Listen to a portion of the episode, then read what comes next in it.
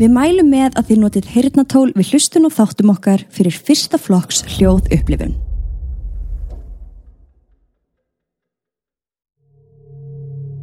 Við viljum minna á að þessir þættir eru alls ekki við hæfi barna.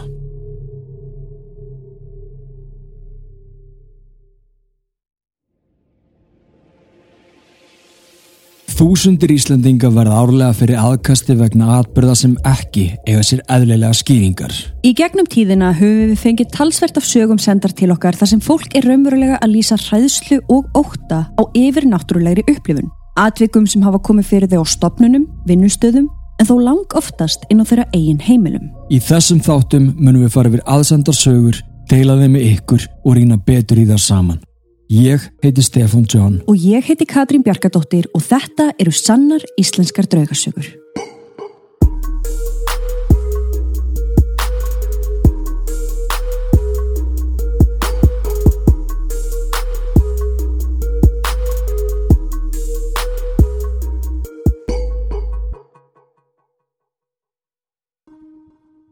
Komiði sæl og blessuð kæru áskrifundur. Það er komið að síðasta þætti ársins. Á síðasta degi ársins. Og þú ert með COVID. Og ég er með COVID. Þannig að hérna, þið þurfum að þóla mína rödd í þessum þætti.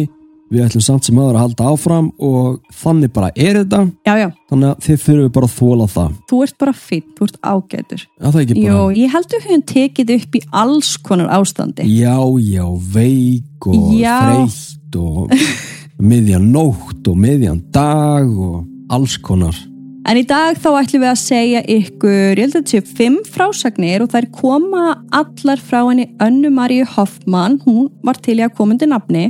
Fimm frásagnir frá henni, þetta verður rosalega þáttur að það er mikið að gerast þarna. Já, og við förum hérna á nokkra staði, þannig að spennið á okkur sætisólarnar því við erum á leiðin í ferðalag.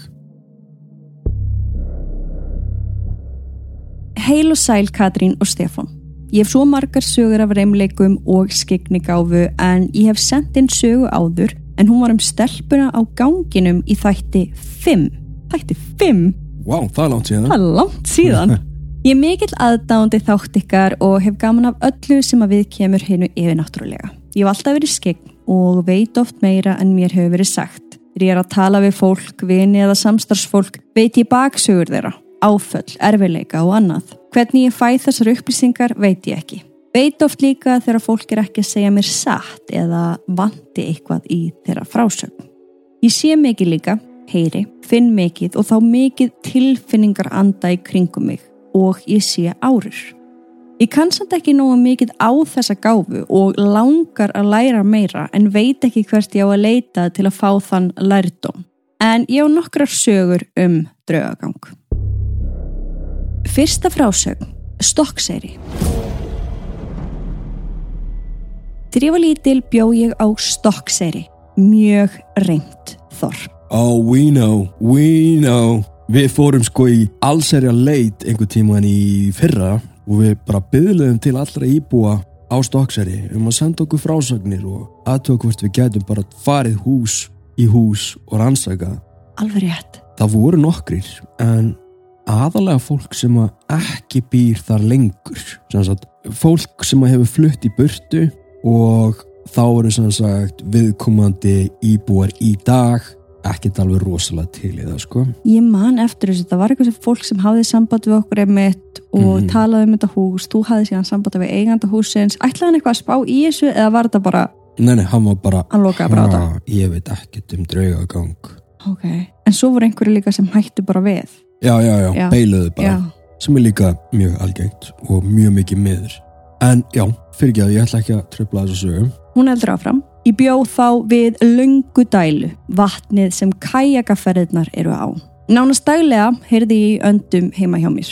Einn fór alltaf á fætur á undan mömmu og hælti sér upp á kaffi og settist við eldúsborðið og hræði í kaffibóllanum sínum. Gömul kona gekk um eins og í ofstórum klossum og ég fann ilmastlíktina af henni eins og hún gengi fram hjá mér. Einnig var barn sem hljóp reglulega gangin í húsinu. Ég fekk einu sinni svefn rofa lömun í húsinu. Þá var ég eitthvað slöpp og lá í rúminu hjá mömmu og pappa. Mamma fór út í búð að kaupa malt fyrir mig, eitthvað sem hún gerði alltaf þegar við vorum veik og ég sopnaði á meðan. Ég vakna svo við umgang á ganginum að einhver var að hlaupa gangin og tala með barns röttu. Svo heyrði ég rött gömlukonunar að segja barninu að hætta þessum hlaupum. Ég gæti ekki með nokkru mótur heft mig. Ég reyndi að snúa mér á hliðina en ég gata ekki. Fann að kötturinn lág ofan á mér en ég sá hann samt ekki. Svo fann ég að barnið hætti að hlaupa gangin og fór að ganga í átt að herberginu og þá var ég mjög hrætt. Ég barðist um eins og ég gat og rétt áður en barnið kemur í hurðina, hendist ég yfir á hliðina og vakna loksins. Kattagreið, sármóðgaður, fór út úr herberginu og ég hætti að heyra í barninu og gömlukoninni.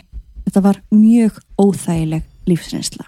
Oh my god, ég trúi því Og það er einmitt svo oft þannig að bara þegar það er eitthvað slæmt að fara að gerast, Mhm. bara sekundu brot, að Já. þá nær maður einhvern veginn að snappa ára fitt. Já, ég veit það. Og það er svona versta við svepp, rof og lömun. Þú ert alveg meðvitaður, þú bara hefur ekki stjórn. Nei. Og svo allt í einu bara reynir og reynir og reynir og þá teksta. Og það er svona eins og, já, þú verður fyrir einhverju smá uppljómin. Þú nærða bjarga þér úr þessum aðstæðum.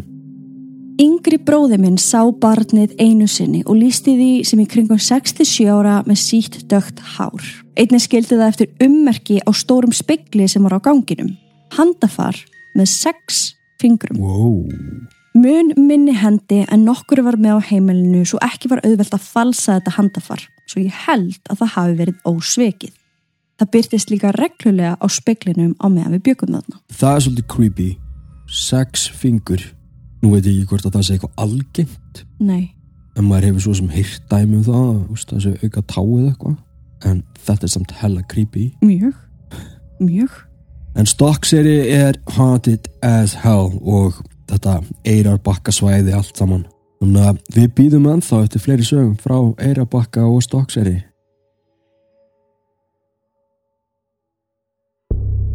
Önnur frásögn.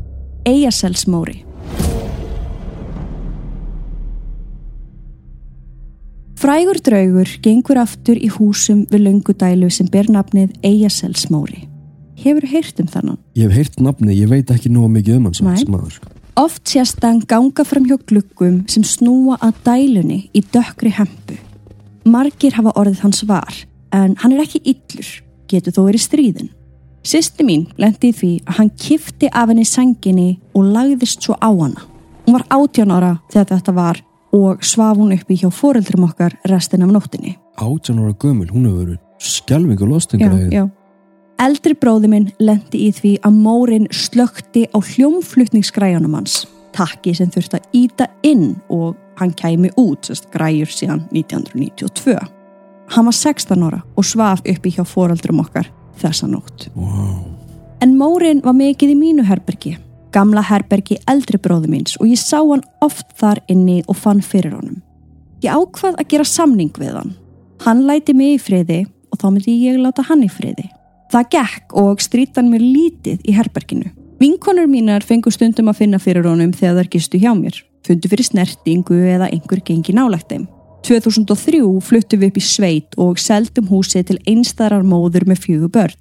Móðurinn var í gamla herberginu mínu og ringdi í mömmu mína nokkrum mánuðum eftir að hún flutti inn og spurði hvernig ég hefði getað sofið í þessu herbergi vegna draugagangs. Wow. Ég sagði henni frá samningnum sem ég gerði til þess að fá frið. Ekki veit ég hvað hún gerði, en hún hafði allavega ekki aftur samband við mömmu yfir þessu. Ok, getur við fengið að vita hvað húsið er? Það er spurning. I wanna know Hver býr hann í dag? hver býr hann í dag og það væri svo frólægt að vita. Hann er að please að segja okkur. Mér er samt svo fyndið að gera hann samning. Já, en þetta er einmitt þessi mörg sem að við hvetjum fólk alltaf til þess að setja. Mm -hmm. Ef þú segir bara hluti upphátt og ákveður, þá verður allt miklu betra.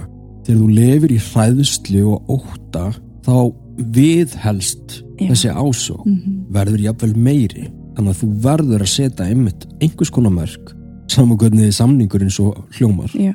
En það er eitt sem mér langar að bæta hérna inn í. Það er varðandi þessa móra, þessa eigasels móra. Og ég veit að það er kannski viðkvæmt málefni fyrir Íslands söguna per se. Mm. Ég held við sem komin á þann stað að við vitum alveg að það er fullt af fólki sem hefur orðið úti á ógæðsla mörgum stöðum. Mm svo kannski er um eitt eins og, ef við tökum bara dæmi eitthvað, Írafellsmóri eða eitthvað, ennishálsmóri Ennisálsmóri kannski er þetta bara margir andar allir með sama viðunefni ég held Já, já, að ég í mörgum Mhm. tilfellum þá sé ekki um að ræða einhvern einn Nei. anda heldur er það ofta margir og það er alltaf sama nafnið og þessum sama aðurla kentum allt. Og ég held að segja sama með stapadrögin það er fullt af fólki orðið úti á gömlu reikinusbröðinni þannig að ég held að sé ekki bara einn stapadrögur Nei, ég held að það sé líka alveg rétt. Og líka bara maður horfir eins og til Asíu.